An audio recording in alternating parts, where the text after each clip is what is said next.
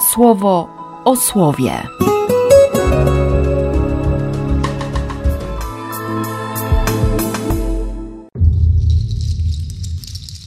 11 maja, wtorek. Z dziejów apostolskich. Po doprowadzeniu ich przed sprawujących władzę powiedzieli: Ci ludzie, będący Żydami, powodują zamieszki w naszym mieście. Szerzą takie obyczaje, jakich nam, Rzymianom, nie godzi się przyjmować ani praktykować. Także tłum nastawał na nich. Sprawujący zatem władzę, zdarli z nich szaty i wydali na chłostę. Gdy im wymierzono wiele razów, wrzucili ich do więzienia, nakazując jego strażnikowi, by ich dobrze pilnował. Ten, skoro otrzymał taki nakaz, wtrącił ich do najgłębszej części więzienia i drewnianymi dybami unieruchomił im nogi. O północy Paweł i Sylas, modląc się śpiewem, wielbili Boga, a więźniowie przysłuchiwali się im. Nagle nastąpił silny wstrząs ziemi, także wzruszyły się fundamenty więzienia. W tej samej chwili otwarły się wszystkie drzwi i z wszystkich opadły kajdany. Wyrwany ze snu strażnik, gdy zobaczył otwarte drzwi więzienia, sięgnął po miecz, aby się zabić, bo był przekonany, że więźniowie uciekli. Tymczasem Paweł zawołał donośnym głosem, mówiąc: Nie rób sobie żadnej krzywdy, bo wszyscy tu nadal jesteśmy. Tamten zażądał światła, skoczył do środka i roztrzęsiony upadł przed Pawłem i Sylasem. Po wyprowadzeniu ich na zewnątrz zapytał: Panowie, co powinienem robić, aby się uratować? Oni odpowiedzieli: Uwierz w Pana Jezusa, a będziesz zbawiony ty i twój dom. I przedstawili słowo Pańskie jemu i wszystkim jego domownikom. Zajął się więc nimi o tej godzinie nocnej, opatrzył rany i od razu sam z wszystkimi swoimi przyjął chrzest. Poprowadził ich do mieszkania, zastawił stół i cieszył się z całą rodziną, że uwierzył w Boga. Gdy zrobił się dzień, sprawujący władzę wysłali posterunkowych z rozkazem: Zwolnij tych ludzi. Strażnik więzienia przekazał te słowa Pawłowi, mówiąc: Władze przysłały tu, że macie zostać zwolnieni. Teraz zatem już wyjdźcie i idźcie w pokoju. Paweł jednak powiedział do tamtych: Bez sądu publicznie poddali nas chłoście, nas, obywateli rzymskich, i wrzucili nas do więzienia. A teraz cichaczem nas usuwają? O nie, niech sami tu przyjdą i nas wyprowadzą. Posterunkowi przekazali te słowa sprawującym władzę. Przestraszyli się, słysząc, że tamci są Rzymianami. Przyszli więc, wyrazili skruchę przed nimi, a po wyprowadzeniu prosili, by opuścili miasto. Wyszli więc z więzienia, udali się do Lidii, zobaczyli się z braćmi, dodali im otuchy i odeszli. Z Ewangelii według świętego Jana. Teraz odchodzę już do tego, który mnie posłał a nikt z was mnie nie pyta, dokąd idziesz. A przecież smutkiem napełniło się wasze serce, gdy o tym wam powiedziałem. Ja jednak prawdę wam mówię, że lepiej dla was, abym odszedł. Jeśli bowiem nie odejdę, nie przyjdzie do was ów rzecznik. Jeśli natomiast pójdę, przyślę go do was. Gdy on przybędzie, zawstydzi świat w kwestii grzechu, sprawiedliwości i sądu.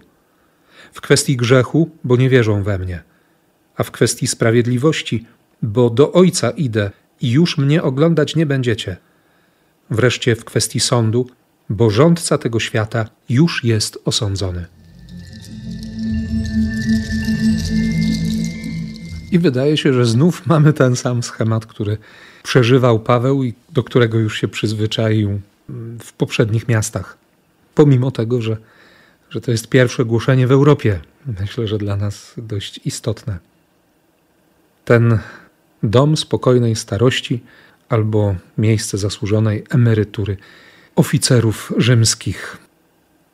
Głoszenie nad rzeką, zatrzymanie się w domu Lidii i, i kolejne wędrowanie na miejsce modlitwy, i nagle jakaś niewolnica opanowana przez złego ducha, takiego, który, który prorokował, duch jasnowidzenia, demon, który który sprawiał, że ta niewolnica przynosiła swym panom duże dochody.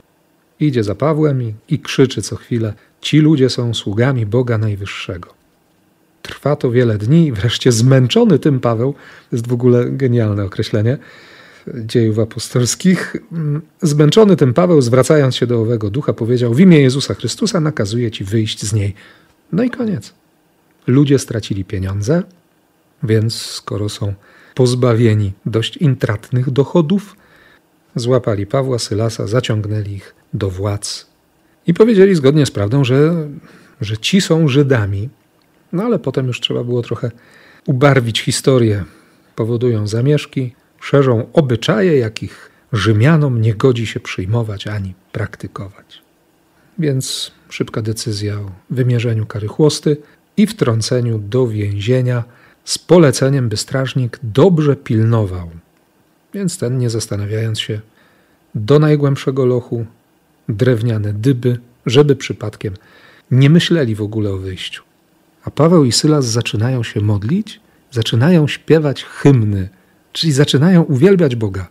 To tak jak tych trzech kilkaset lat wcześniej w ognistym piecu. Widzą sytuację bez wyjścia, doświadczają prześladowania i śpiewają uwielbienie.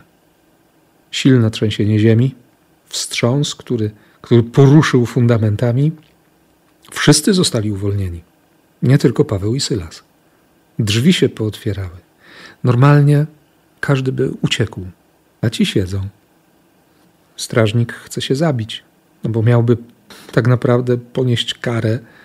Gdyby oni uciekli, on musiałby ponieść karę za każdego z tych więźniów. No to wolał zginąć. Paweł krzyczy, że nikt nie uciekł. Jak można być tak wolnym człowiekiem, że, że ten, który jest wolny i więźniów pilnuje, zazdrości takiej wolności takiego spojrzenia na życie? Nie? Co mam robić, żeby się uratować? Nawet nie tyle, żeby się zbawić, tylko żeby być uratowanym, żeby, żeby tego doświadczyć. Tam gra greckich słów bardzo mocno to oddaje. On pyta o konkret dość zawężony, a Paweł odpowiada niesamowicie szeroką perspektywą. Uwierz w Jezusa, będziesz zbawiony. Nie tylko uratowany przed jakimś lękiem, przed myśleniem nawet o, o popełnieniu samobójstwa, czy jakimś zniewoleniem tym drylem żołnierskim, ale, ale będziesz zbawiony. Komentowałem to słowo podczas porannej mszy świętej, potem dwa razy w radiu i dopiero teraz tak jakoś, kiedy, kiedy czytałem na spokojnie mm, do tej dłuższej wersji codziennika z czytaniami, pomyślałem sobie, że, że przecież była taka praktyka.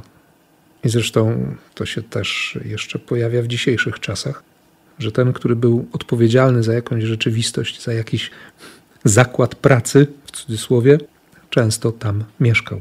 I prawdopodobnie faktycznie ten strażnik więzienia miał dom przy więzieniu.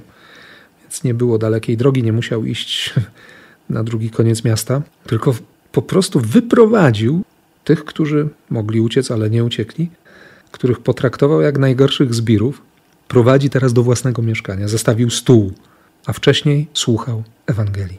Słuchał drogi zbawienia, przyjął drogę zbawienia, przyjął chrzest ze wszystkimi swoimi z całą rodziną. I cieszył się, że uwierzył w Boga. I później przychodzą inni i mówią: zwolnij tych ludzi. I wtedy Paweł się przyznaje, że jest obywatelem rzymskim, ma obywatelstwo Rzymu. Władze się przestraszyły, no wiedzą czym to grozi. Bez sądu, kara chłosty, więzienie, nawet jeśli tylko przez jedną noc.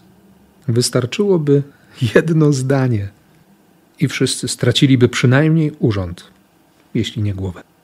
Przychodzą pokornie, proszą, żeby opuścili miasto.